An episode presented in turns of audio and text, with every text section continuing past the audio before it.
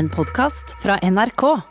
Maja Solveig Kjelstrup Brattjø er en prisvinnende komponist og musiker, og nyter stor anseelse også utenfor Norges grenser. Hun har vært fremtredende innen ny og eksperimentell musikk siden 90-tallet, gitt ut en rekke plater og komponert for orkester, scene og film. Men når hun er hjemme i Nordre Follo, spiller hun gammeldans med det lokale spelemannslaget. Dette er Drivkraft med Vegard Larsen i NRK P2. Maja Ratje, velkommen til Drivkraft. Takk for det. Hvordan har du det? Å nei, det er jo litt uh, mye å tenke på for tida. Men eh, det, sånn er det jo alltid. Hvorfor, hvorfor er det mye å tenke på for tiden? Nei, Vi har nettopp um, kommet hjem fra en uh, tur til utlandet hvor mannen min brakk armen. Og det preger oss litt akkurat nå i familiesituasjonen, så er ikke det så kjempeheldig. Og han er også musiker, Ja, han er musiker. og bruker armen i sitt virke. Ja, han spiller trekkspill, Ja. så det er ganske alvorlig. Og nå har jeg sagt det på radio, så nå vet alle det. Nå får han sikkert utrolig mange tekstmeldinger. Men antakeligvis sånn god bedring og sånn. Ja, ja, han, det er jo ikke hemmelig. Men eh, det kommer til å gå helt fint. Nei. Men det tar litt tid. Og med det snøværet som er nå, så da, da går måkinga til deg. Ja, men det er jeg vant til. Siden vi er musikere, så deler vi jo på alt. Så vi er veldig sånn likestilt. Alle kan alt når det trengs. Men er det, Du sa du har akkurat vært i utlandet. Du har vært i, i Sveits. Ja, jeg har vært der og jobba helt siden starten av november, så nå er det jo litt payback time, da. Ja. Hva, det er jo greit sånn sett. hva, hva, hva, hva har du gjort der? Jeg var med og lagde en forestilling med min musikk på Lucerner teater, heter det. I Luzern i Sveits. Ja. Kjempefin eh, by mellom masse fine alpefjell. Og um, det var jo en stor ære å få lov til å jobbe med musikerne der fra Lucerne symfoniorkester og operasolister. Så var jeg også med i forestillinga selv. Hva slags forestilling? Hva, det var, en, det var en forestilling som handla om språk. Og tilblivelsen av av sivilisasjon og, og det menneskelige gjennom språk. Så det, det tok utgangspunkt i et verk som jeg skrev sammen med Åsne Linnestad, norsk poet, for noen år siden, som heter Revelations. Som um, brukte de 23 sånn urordene, eller det kalles også kognata, som fins felles i Eurasia på hele kontinentet. Og det er 23 ord som er felles i, i de fleste språkgruppene der. Og det, det, det er ganske spennende. for eksempel For eksempel uh, fire, mother, hand. Men også litt rare ting, da, som bark. Altså ikke hundelyden, men, men på treet. Ja. Og, og spitt det er jo ikke et ord som er i dagligtalen vår nå, men, og likevel så har det vært eh, så viktig i vår frambringelse av, eh, av det menneskelige. Altså Det sporer 15 000 år tilbake til ti, i tid. Og så Ja. knytta vi det sammen med et verk som er skrevet til et eh, stort dikt av den norske poeten Karin Sveen. Som jeg da fikk lov til å gjøre som skuespiller i mitt eget verk. For strykere og dette. Ja. Og det ble oversatt til tysk, da. Og det, og det er et, ord, eh, et verk som heter Et os. Og det er en elvemunning. Det er samtidig etos. Formingen av menneskets etos. Etos, logos og patos. Og det går over eh, 16 satser. Og det er forma som en slags dialog mellom to stemmer, hvor den ene er nølende til å gå inn i det som, som er flyt og liv og vann og historien. Store og bare vil være til, ja. Ja. Og, den andre, og den andre stemmen sier at eh, hvis du skal fordoble kunnskap og refleksjonen, så må du tre inn i vannet og lære av, og så se hva som har vært, og hva som kommer. Ah. Og, og gå inn i det. Så det er vannet som er symbolet på livet og flyten og, og døden og alt det der, da. Så det, det er et veldig, veldig stort og fantastisk dikt. Wow. Som jeg er så glad for at jeg fikk anledning til å lære meg, da. Men når du uh, får det oppdraget, da. Hvor, hvor, hvordan skjer det? Altså, Får du da en telefon sånn vi skal ha Sette på en forestilling, vil du komme og, og, å, å skrive noe til det, eller hvordan funker det der? Mm, jeg, får ikke en telefon. For jeg tar aldri telefonen hvis jeg ikke ser hvem det er, for da får jeg helt panikk. jeg syns det er kjempeskummelt. Men du kan skrive en e-post. Ja. Ja, men det er, jo, det er jo sånn det foregår, at man har Bestil, altså det er ja, det er, bestillingsverk, ja, rett ja, det er det, selv, om, selv om det var satt sammen av eldre verk. Det var også to andre ting på samme, i samme kveld, så det ble satt sammen som en helaften med pause. Ja. Men, um, men det er jo sånn det fungerer, at, at man har vært rundt en stund og gjort et oppdrag, og så er det noen som ja, har hørt om det, da. ikke sant? Og så får du andre oppdrag igjen. ja. Er det eh, I ditt virke, er det, er det litt sånn? Altså Landegrenser er ikke så vesentlig? Overhodet ikke viktig for meg, i hvert fall. Jeg tror også fordi jeg jobber med kunstmusikk. Og da må man eh, finne et større miljø. Hva er Bare det som er i? Norge. Nei, kunstmusikk, hva skal man si? Det som ikke er lista. alt det andre. Jeg jobber med alt det andre. Ja. Og da er, men hva skal til for å trigge interessen, da? Altså nysgjerrigheten din for at du takker ja? Um, Jeg må ha en god magefølelse på det, og det har jeg jo blitt bedre på, heldigvis. Det er sånn som man lærer seg. Det er en sum av eh, mange ting. Og det er ikke alle prosjekter som er, som er riktig å gjøre. Det er ikke alt, alt som er bra for deg hvis du blir spurt om å gjøre noen ting, og så kan, kan det jo virke flatterende, eller det kan, det kan være noe som, som du føler du burde gjøre sånn statusmessig, eller altså karrieremessig. Også. Det er veldig veldig viktig å, å sjekke liksom, motivasjonen hele tida for, for å gå inn i ting. Da. At det, det er bra motivasjon for å gjøre det. Og, og jeg er blitt bedre på det, heldigvis. Og det er ikke ofte jeg går inn i samarbeid som jeg angrer på. Da. men eh, jeg, jeg kan jo synes at det er skummelt, og sånn, men jeg synes, at, jeg synes at det er veldig spennende å få utfordringer. Og særlig da at noen tar for gitt ting som jeg ikke kan. F.eks. At, de, at de ville at jeg skulle være skuespiller i det diktet til Karin Sveen. De tenkte at det var en ting som jeg, som jeg også gjorde, da, siden jeg var sanger. Ja. og, og det hadde jeg jo egentlig ikke gjort. da, å gjøre et 20 minutter langt, kjempefint, vanskelig dikt. Og kunne det uten at å få det så under huden at jeg kunne formidle det som solist. Det var, det var en fantastisk opplevelse også. ja. På hvilket språk fremfører du det? Nei, jeg gjorde det på norsk, og så ble teksten projisert på tysk på veggene rundt. Så jeg var i midten, og så satt publikum rundt meg. Og så musikerne satt rundt, eh, strykerne også i en ring rundt. Ja. Sånn at det var, det var egentlig en veldig fin ting. Og så publikum så teksten på veggene bak, og samtidig så på meg og formidla. Så hørte de også kanskje hvor nært eh, det tyske språket er det norske, da. Ja. Så det å bore i, i språk og lyder er sentralt for deg også? Ja, det har det jo det har det alltid vært. Ja. Og, og, og finne ut at, at det er musikk da, i den grensa mellom språk og lyd. Altså hvordan stemmen kan brukes da, på andre måter. Og, og sang, da, som er en annen polaritet.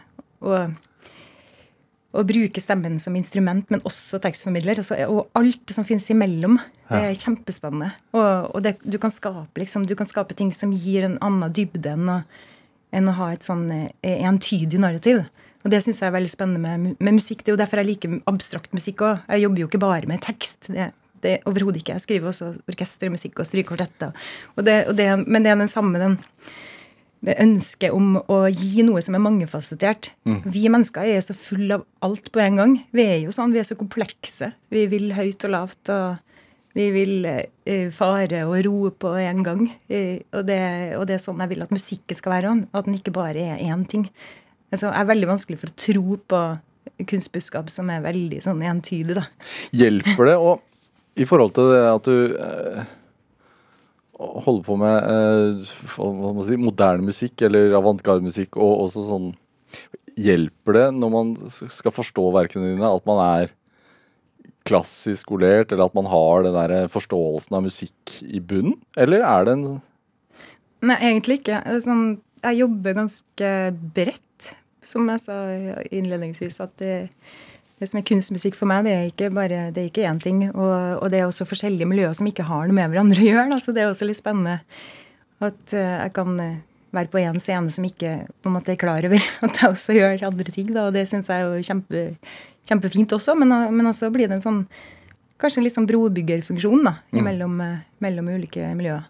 Hvis du skal spille litt av deg eh, eh, jeg, har valgt ut faktisk en, en eh, låten 'Joy' eh, fra en av dine første plater, 'Voice', eh, som kom i 2002. Ja. Eh, som jo representerer litt av hva du holdt på med. Ja, tenk at den plata hadde 20-årsjubileum i fjor. Det er sykt lenge siden. Det var- jeg ut som det var i går. Hva kan du fortelle noe om den låta? Eh, Den er en stemmekollasj. Det er på et album som da heter Voice, som også er, betyr stemme, selvfølgelig. Og, alle, og det er et konseptalbum, så alle lydene på den plata er min stemme. Eh, Noe er bearbeida elektronisk. Ja. Og det er koprodusert av eh, norske duoen Jazzkammer, som er Lasse Marg og Jon Hegre, som jeg ble kjent med på den tida. Fra det norske støymiljøet, som har betydd utrolig mye for meg. Og, eh, det, og den plata var et litt sånn manifest på hva jeg drev med som stemmekunstner. Da, akkurat da jeg var ferdig å studere. Det var også, også ting som jeg holdt på med der som ikke var en del av uh, komposisjonsstudiene, for å si det sånn. Som var viktig for meg å få det dokumentert. Og da ville heldigvis eh, Rune Grammofon gi det ut, og den plata har jo betydd veldig mye. Og åpna mange dører for meg, da. Hva, hva, hva, hva får man igjen for at det er bare stemmer? Mm, altså, det er jo for å vise at stemmen kan eh, være så utrolig uh, omfattende. så jeg snakka om stemme som instrument. da. Ja. At stemmen kan være så utrolig mye, hvis du tør å prøve å bruke den på Bruke hele registeret. Og, og det har jeg jo vært veldig interessert i. da, Å, bruke hele registeret av stemmen. Ja. Ikke fordi det skal være ekstremt, eller fordi at folk skal liksom bli imponert fordi man lager rare lyder, men fordi at det gir et større spenn musikalsk. Det, for meg så gir det eh, sånn en deilig friksjon mellom det skjøre og det tøffe og det, det støyete og det, og det tydelige og det melodiske og alt det. Og, det, og det, det er sånn musikk som, som jeg kjenner meg igjen i, da. Skal vi høre? ja.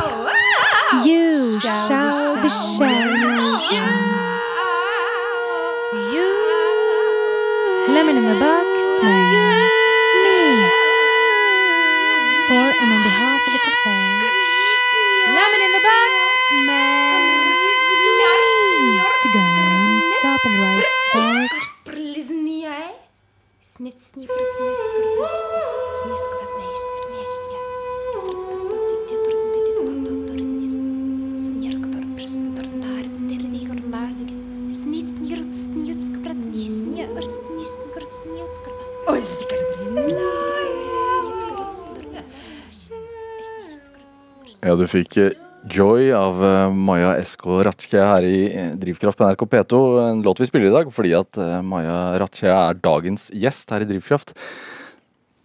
Hvordan er det å høre det? Det er 21 år gammelt. Ja, det er kjemperart. Og det er jo spilt inn ennå lenge før det igjen. Eller to år før det igjen. Ja. Jeg husker det jeg jobba med det også.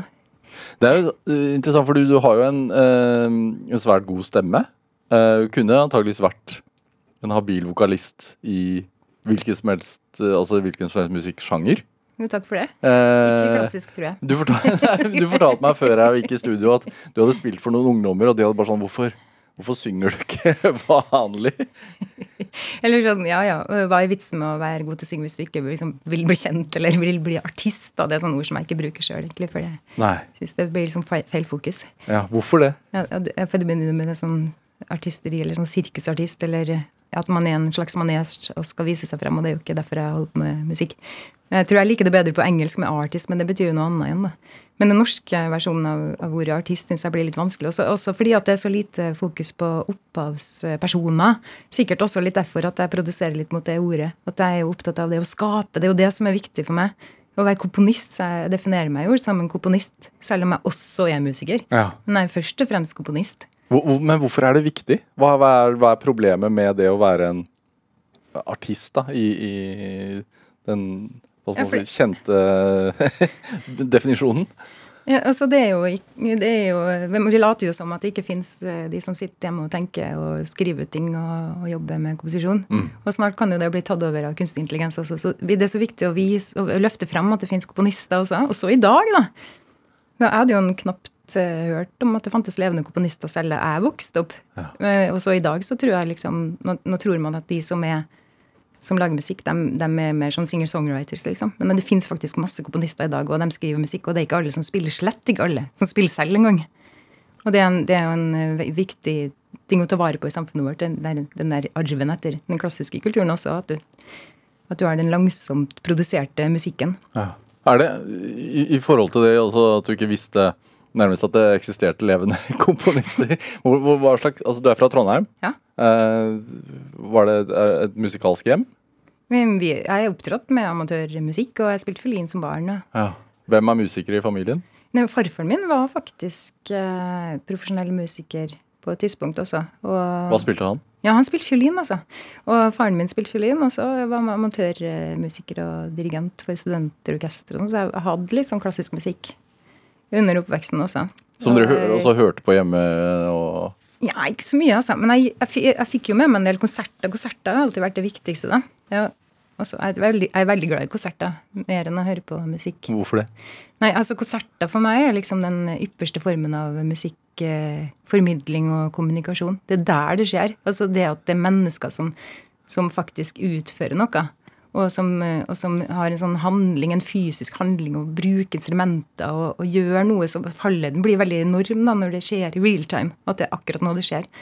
Det, det er ikke bare å spille av en lydfil, liksom, men at det er en konsert. Og, og derfor tror jeg kanskje, kanskje konsert aldri kommer til å gå av moten, eller i motsetning til å bare strømme ting. Vi kommer ikke dit, liksom. Konserter kommer heldigvis til å bli, fordi vi, vi har en sånn et behov for gjenkjennelse når vi møter musikk på den måten. Som vi får bekrefta. Og da, det blir, så livet blir alltid mer høyoppløselig enn all verdens teknologi. Da. Er det noe med det fysiske også? Altså sånn å faktisk se at en musiker spiller på instrumentet? Ja, for meg så er det avgjørende, så jeg har alltid vært glad i det med konserter. da. Så jeg, det var jo sånn, ja, jeg, jeg fikk jo med meg symfoniorkesterkonserter da jeg var barn også. Og foreldrene mine var på det, eller jeg kikka på musikerne. Jeg satt oppå, oppå balkongen i Frimurlosjen, det var jo før Olavshallen. Jeg kikka ned på orkesteret. Bjørn Fiskum var konsertmester, husker jeg. Ja. Det var veldig spennende å se på instrumentene og, høre lydene. Og det er sånn, fremdeles sånn når jeg skriver for eh, andre instrumenter Hvis jeg skriver for orkester, så, så liksom jeg ser for meg instrumentet og at det spilles på, og, og hører lyden. Og ser for meg lyden som kommer ut av instrumentet. Det, det er en veldig sånn fysisk opplevelse av lyd som jeg har. da. Hvor sitter du når du skriver?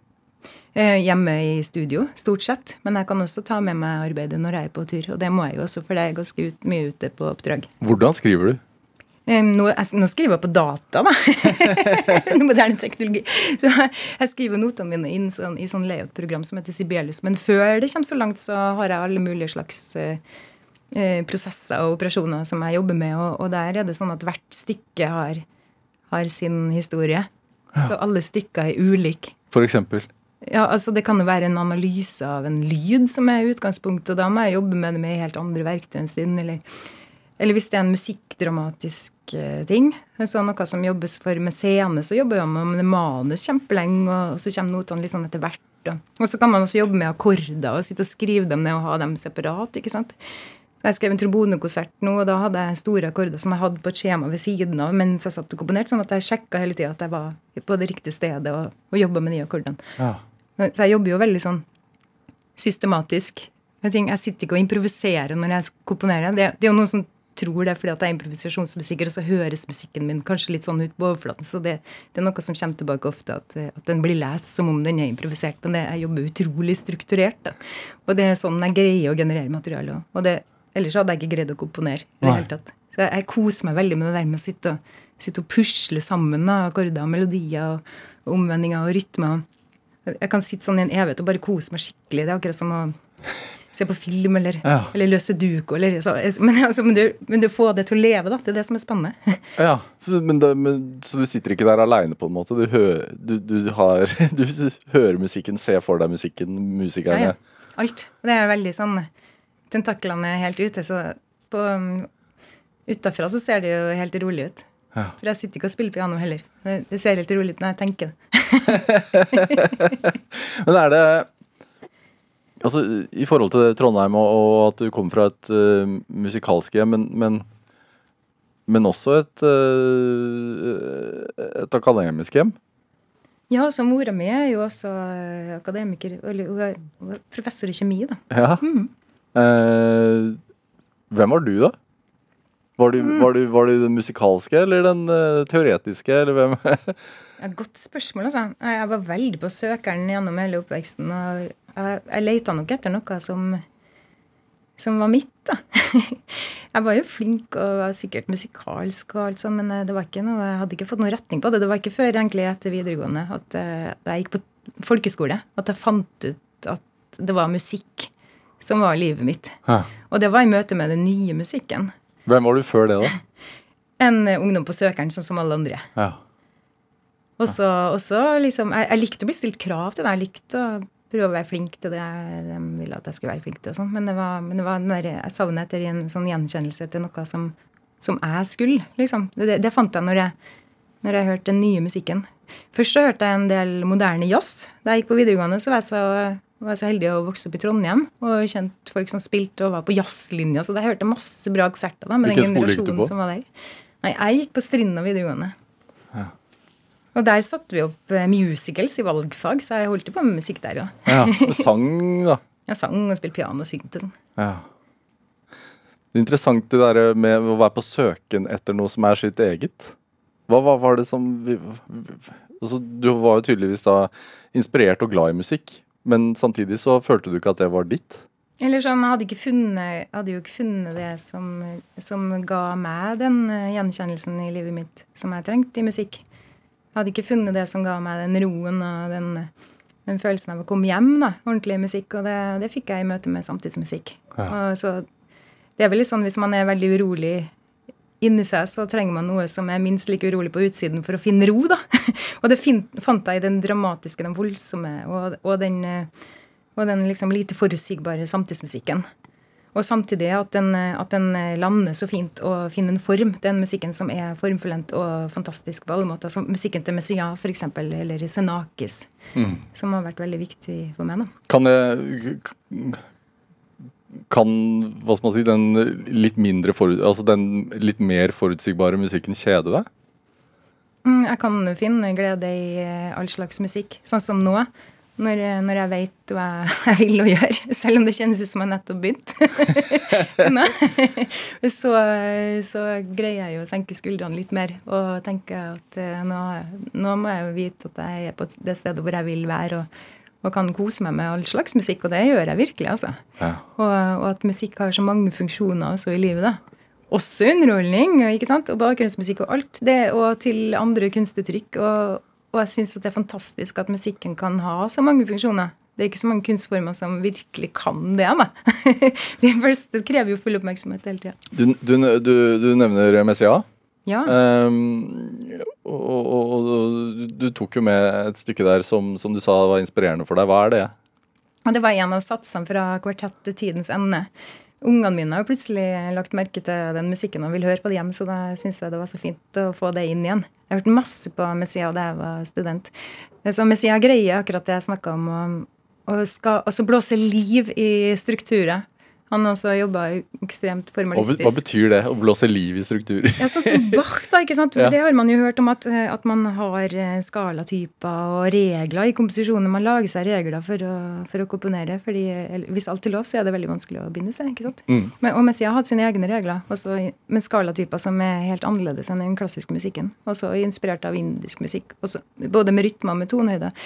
Og, og når du hører musikken, så er den bare så utrolig levende og fantastisk. Så han greier å blåse liv i noe som er egentlig veldig stramt. Da. Det, er, jo- det jeg prøver å gjøre også når jeg komponerer musikk. Ja. Husker du første gang du hørte det der? Mens jeg hørte det først da jeg gikk på Musikkhøgskolen. Da hadde vi ungene i fag, og det var også veldig spennende å se hvordan man komponerte. Ja, Skal vi høre litt? Ja, det her er en sånn unison sats, og den er litt, eh, kanskje litt atypisk, men den er fra da kvartettet Dines ende, som Messia skrev da han satt i konsentrasjonsleir under andre verdenskrig. Ja,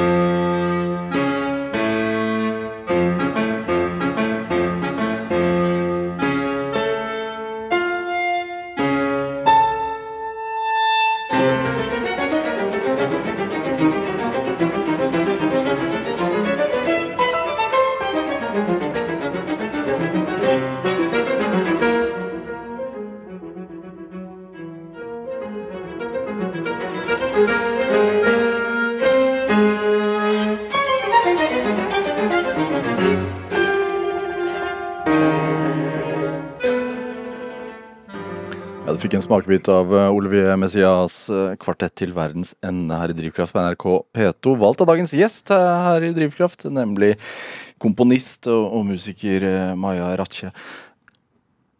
Du, du, du hørte Ja? Kvartett til tidens ende. Ja, til tidens ende. Sånn er det med min fransk. Jeg kan ikke fransk. ikke jeg ikke jeg heller, tydeligvis. Uh, dette hørte du som da, sånn 19-20-åring og tenkte sånn ja, dette er veien å gå? Ja, jeg hørte på samtidsmusikk etter jeg var ferdig med videregående. Ja. Begynte på folkeskole og oppdaga Hva visste du om samtidsmusikk i det hele tatt som ung? Mm, jeg hadde hørt om Arne Norheim. Ja. Det hadde jo alle, da, for da var det én statskanal. Og, altså, jeg tenker ofte sånn at i dag så hadde ikke Arne Norheim vært en sånn person man hadde hørt om. Men man, vi hadde jo hørt om Ingrid Espelid og Arne Norheim og Vidar Theisen. ikke sant? Så, sånne personer, Alle visste hvem de var. Ja. Men, men jeg hadde nok ikke hørt musikk av Arne Norheim. Ikke før jeg da gikk på den folkeskolen. Så dro hele folkeskolen med buss inn til Konserthuset og hørte på Filharmonien, og så spilte de stykker av Norheim. Jeg fikk fullstendig hakeslepp, og det, det var det mest fantastiske jeg hadde hørt. og jeg hadde lyst til å bli komponist. Ja. Altså, den, det går an å lage musikk som snakker til oss i dag. ikke sant? Det var, det var stort. Ja. Hvordan snakker det til oss i dag kontra eh, klassiske verker? Ja, det vi hørte nå, er et gammelt verk, så det er for meg et klassisk verk med, med Sia. Eh, men eh, musikk som er lagd i dag, har jo i seg ofte tematikk og, og en samtidighet som, som gjenspeiler vår tid. Kunst som lages i dag. Mm. Det trenger vi. Og også fordi at eh, kunsten stiller jo flere spørsmål. Det var sånn som Arne Norheim elska å si, enn å stille svar. Det var heller spørsmål enn svar. Hvilke spørsmål stiller du? Jeg stiller spørsmål om hva som går an å gjøre ofte. Og om det går an å, å plassere ting eh, sammen i kunst som egentlig ikke hører sammen. Hvorfor er, hvorfor er det interessant? Fordi da kan det skje helt nye ting. I beste fall så kan det jo bli noe som er en bra kunstopplevelse. Jeg klarer ikke å la være å prøve. Jeg får masse ideer som jeg er nødt til å sette i livet uansett. Hvordan er det? Hva skal til for at en idé kommer? Mm, Det er bare å være åpen mot verden. Men du kan ikke tvinge frem ideer, men du må tilrettelegge det. Jeg tror jeg skrev et essay om det en gang som het eh, altså Forutsetninger for inspirasjon. Om det var 10 eller 15 eller hva det var. Ja. Jeg skisserte opp det. Eh, Og det, det er mer det at man at man kanskje ikke må være så selvkritisk, og, og så la ideene komme når de, når de kommer, og, og, så lage, og så lage systemer for seg sjøl for å ta vare på ideene. Altså, for det, det er ikke så lett. Særlig musikk som er så abstrakt. Hvis man får lydideer, så er det veldig vanskelig å ta vare på det. man må på en måte lage et eget språk for å gripe sånne ideer. Og kunne bruke det til noe. Men hvordan har du klart å la være å være selvkritisk? Fordi du har jo valgt en, eh, en ganske atypisk eh, musikalsk vei. Mm. Eh, har du eh, vært i tvil noen gang? Om jeg skulle jobbe med musikk? Nei, aldri. Men jeg er utrolig mye i tvil om det jeg gjør, har livets rett. Det er jeg. Men eh, jeg, jeg har ikke snudd et sekund etter jeg har bestemt meg for å bli komponist. Da var det, det bare det jeg skulle, og det, som sagt, det kjennes ut som det var i går. Hva sa akademikerne på hjemmebane den gangen, da? det tok noen år, men så har de jo sett at det, det går jo veldig fint. Det gjør det, Men det, tok veldig lang tid før jeg trodde at det gikk fint. Ja. Så, Hvorfor? nei, fordi at eh, det er jo ikke noe som er en, en eh, grei sånn farbar vei å bli samtidsmusiker og komponist. Det, det er jo ikke det. Det er ikke, det jo er ikke der Spotify-pengene renner inn? Eh, Nei, i hvert fall ikke. Men det gjør det ikke uansett hvis du er populærmusiker. musiker det kan ikke være det som er motivasjonen. Nei. Men for meg så var det det å kunne å lage helt nye ting. Det var det som var, det var, det som var spennende med det. da. Og, og, det, og sånn følelse av ikke greie å la være. Og, og så finne gjenkjennelse i et musikkuttrykk. Jeg var jo veldig opptatt av lyd og musikk. Musikk var jo mitt språk hele tiden. Ja. Priværspråket mitt, kreativt. Å finne musikk som eh, stemte med hvordan jeg opplever verden, og hvordan jeg har det. da. Og det var den nye musikken. Men når man skal lage ny musikk som altså, Du har laget instrumenter også? Jo da. Men eh, altså, jeg, jeg finner jo på nye ting hele tiden. og plukke opp nye instrumenter og prøve på nye sjangere. det, det er liksom en del av det. Som, som Hvilke er- instrumenter har du laget? Eh, nei, altså, jeg bygde en termin da jeg var student. Ja, Hva er en termin? Nei, det er sånn eh, instrument med antenne. Hvor det spiller i lufta, sånn en slags synt. da. Ja. Um, men det er jo ikke noe big deal, for det var sånn byggesett. da. Og så har jeg jo laga et instrument um, sammen med teknikerne i operaen, som, som er sånn enmannsorkester. Som ganske, det var ganske fascinerende. Og, og det var et veldig fint instrument, og det er litt synd at jeg ikke har plass til det. Eller det er ikke mitt. Det, det ligger et, et eller annet sted i en scenografi innelåst i en bunkers antagelig. Det er tre meter høyt og flere meter bredt og står på en dresin. Ja, hva, hva, hva var dette her for noe? Hvis du, hvis du kjenner til de barnebøkene om Serafin, så er det sånn et fantastisk instrument i det. Det er et sånt Han som lager et sånt ja, sånn instrument med masse med tuba ut og ja. ja, enorm, ja, enorme greier. Det var det som var bildet mitt. da. Jeg ble bedt om å lage musikk til en forestilling i, til Nasjonalballetten for det er ikke så kjempelenge siden. Det er noen år siden. Det var før koronaen. Og da, og da fikk jeg bygd et instrument som jeg brukte den forestillingen. Jeg tenkte egentlig jeg skulle lage masse ferdiglagd musikk som skulle spilles av elektronisk, men det ble ikke sånn. Jeg gjorde alt live, og da måtte jeg multitaske, så jeg brukte hender og føtter med slag og verk og strenger og orgel og sang og alt, alt mulig. Spille det også. Men den, eh, det at du eh, eh, også benytter deg mye elektronisk, Ja. vil ikke det fjerne noe av den, hva skal man si, det organiske? Den derre eh, musikerne på scenen, eh, det fysiske, som, som vi pratet om tidligere? Ja, det gjør det. Det er også derfor at det enmannsinstrumentet når jeg jobber med det, at det ikke var elektronisk bearbeida. Det var bare forsterka med mikrofoner.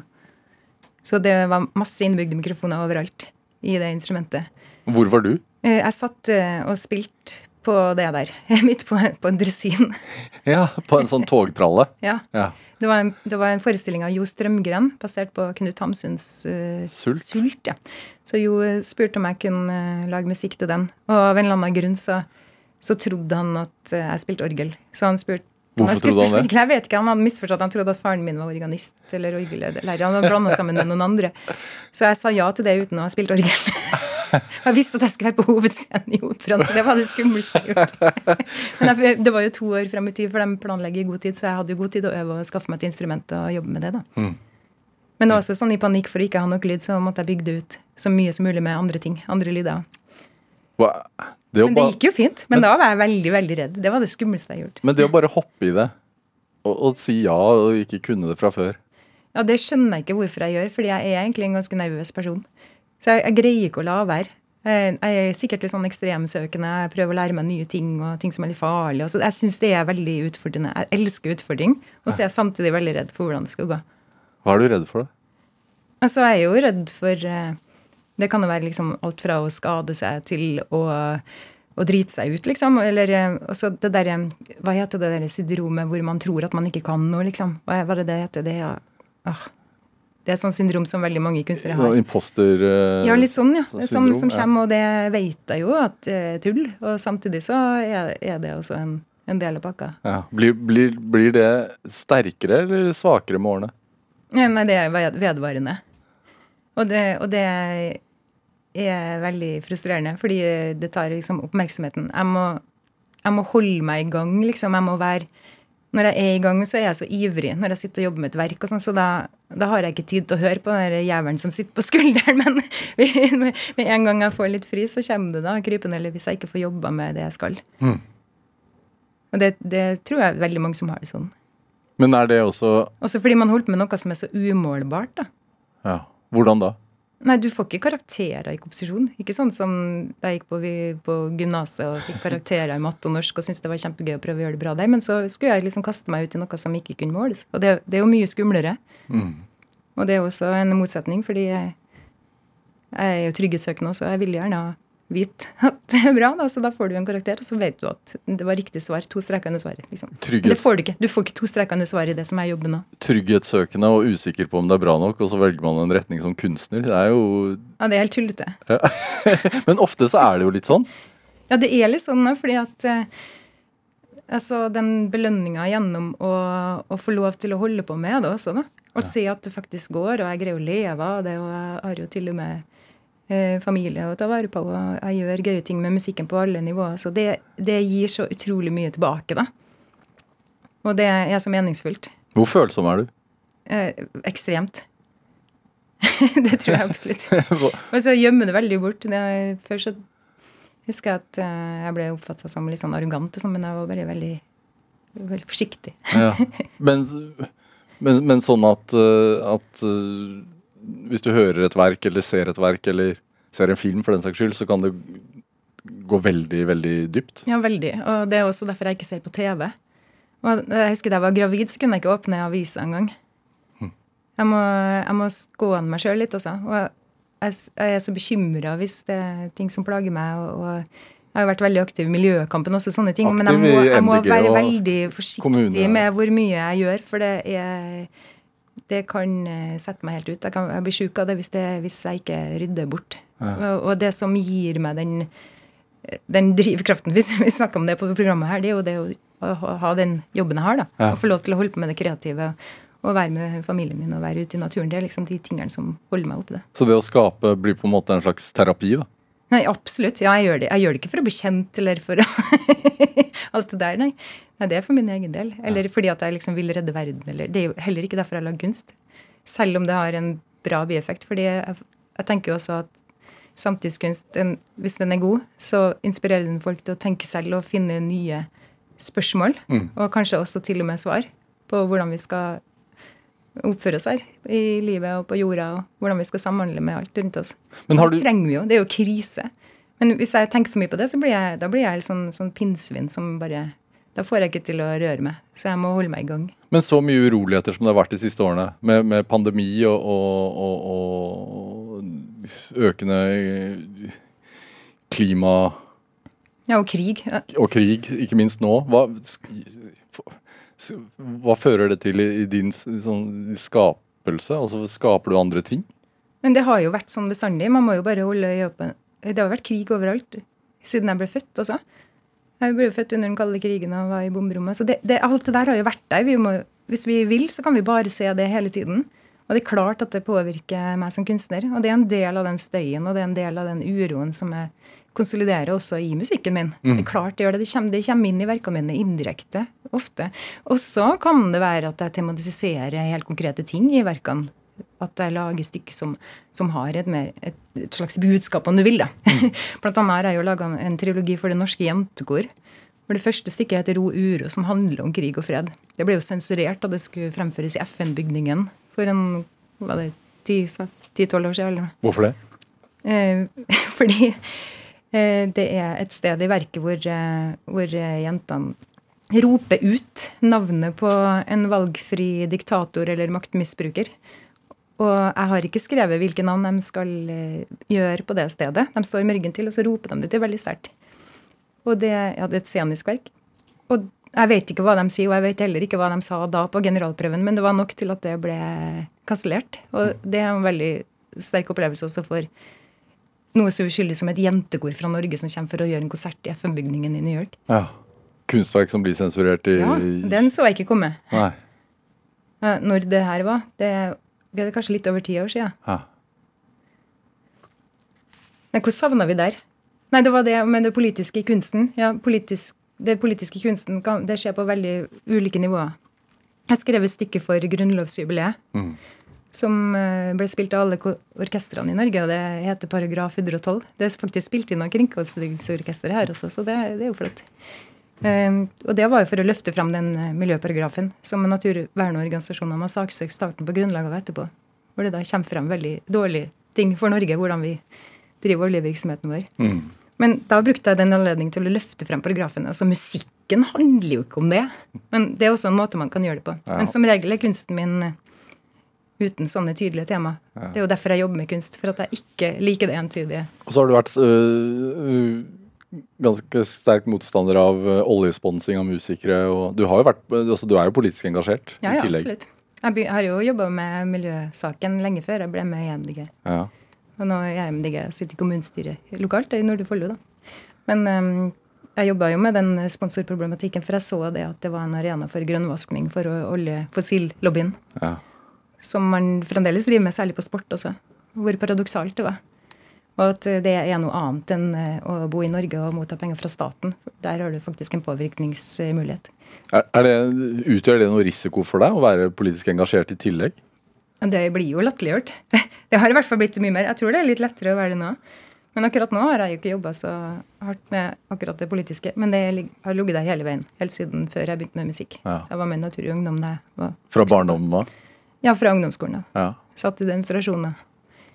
Så jeg har vært veldig opptatt av miljøet. Med en gang jeg har lært om hvordan ting sto til, artsmangfold og klima, så har det vært en sak. Og det er jo veldig fortvilende at det ikke har skjedd mer. Men er det sånn da at du må ta på deg litt skylapper og ikke ta det inn? Ja, det er det jo. Absolutt. Og så er det veldig viktig å gjøre ting man syns er gøy og utfordrende, for at man ikke blir deprimert. Ja. Da spiller du gammeldans? Ja, blant annet. Ja, det er en fin ting å gjøre. ja. Det er Svartskog spellemannslag, ja. som, eh, som jeg starta opp sammen med familien min og mannen min som spiller trekkspill, Frode Haltli, også sentral der. Ja, for du bor i, i, i Svartskog, eh, altså Nordre Follo, som er da egentlig ganske kort kjørevei til Oslo. Ja, men, likevel litt sånn eh, avsondret. Det er, det er mange Det er li, ganske lite bebyggelse. Ja, det er landlig nok til å, til å begrunne et spellemannslag, ja. Så vi har det i bygda, og det er jo eh, unge og gamle som spiller sammen, og amatører og eh, Frode, da, som er proff. Og jeg spiller fele nå, og jeg er jo ikke noe felespiller, egentlig. Jeg spilte jo litt klassisk fiolin da jeg gikk på barneskolen. Men jeg har tatt opp igjen og så begynner å spille folkemusikk der, og det er kjempeartig. Det er jo ikke sånn at man, man må bli liksom ekspert i alt man begynner på, men jeg liker veldig godt det å lære, lære nye ting, da. Mm. Og, og, så finner jeg veldig glede i det hvis det er noe som, som passer til det som jeg har lyst til å gjøre. Så også sånn ønsker vi å gjøre noe sammen med, med familien og med ungene. Vi har to tenårings, tenåringsdøtre. Ja. De er jo mye bedre til å spille fiolin enn meg. og det er kjempeartig. Og så masse venner av dem som er med. Og Ja. Hmm. Hva, får du, hva får du igjen for å fremføre der, da? masse musikkglede. Og, og så under pandemien så var jo det noe av det morsomste jeg gjorde. At vi sto ute i bakgården på, på eldresenter i Drøbak og spilte, og så satt de på verandaene sine og digga, liksom. Lite visste de at det var en, en av verdens mest anerkjente samtidskomponister si, på, på fele. Ja, det hadde vært litt sjokk. Heller, det er jo ikke sikkert de har hørt om samtidsmusikk. Men det har liksom ingenting å si, da. Du, du, du nevnte um, Eller vi snakket litt om uh, tolkningen som du gjorde for, uh, sammen med Strømgren og, og til, til Sult, som var på, var på operaen, ikke sant? Ja, hovedscenen i operaen. Ja, ja. Jeg var alene med, musik med musikken min der. Ja. Det var kjempe, kjempespesielt. Og e- en av, en av stykkene 'Øyne som rå silke, armer av rav'. Ja, det er Hamsun-sitat, da. Ja, vi, vi har dette her. Hva, hva er det vi skal høre? Det er et av de eh, musikkstykkene som er lagd til den balletten. Alt var jo gjennomkomponert. Selv om jeg ikke skrev ned noen ting på noter, så lærte jeg meg alt utenat og måtte gjøre det nøyaktig likt hver gang. Fordi balletten, eh, med 14 dansere som skal gjøre det samme, det, De, skal de det være teller, helt Ja, ja, ja. De, de teller, så der skal det gå på Så her er et av de stikkene som ble brukt gjennom en av. Og da hører man også at jeg spiller på noen gitarstrenger som jeg har fått montert foran på orgelet.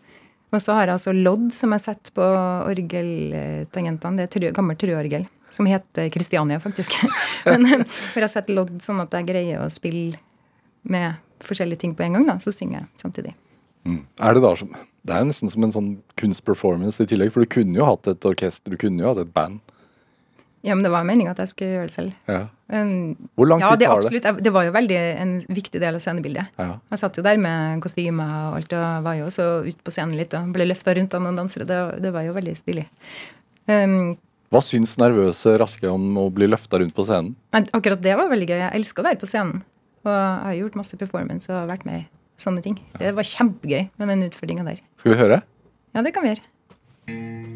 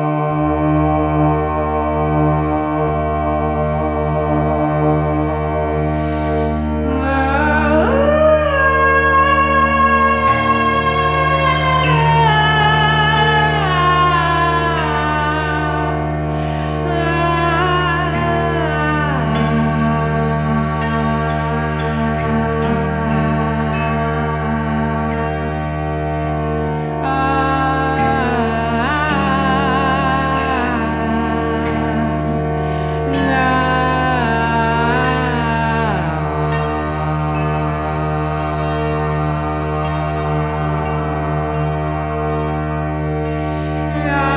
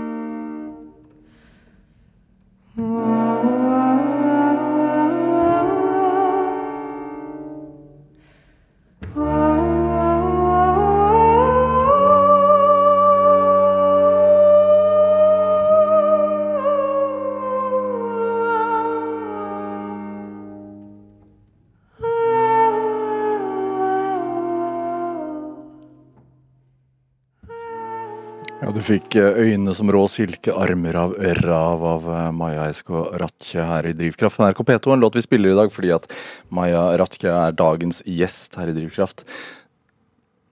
Du, du har vært frilanser siden du starta, egentlig. Ja, det er det. Eh, og gått, eh, vil jeg påstå, din egen vei. Hva, hva, hva, er, hva er tipset for å få det til?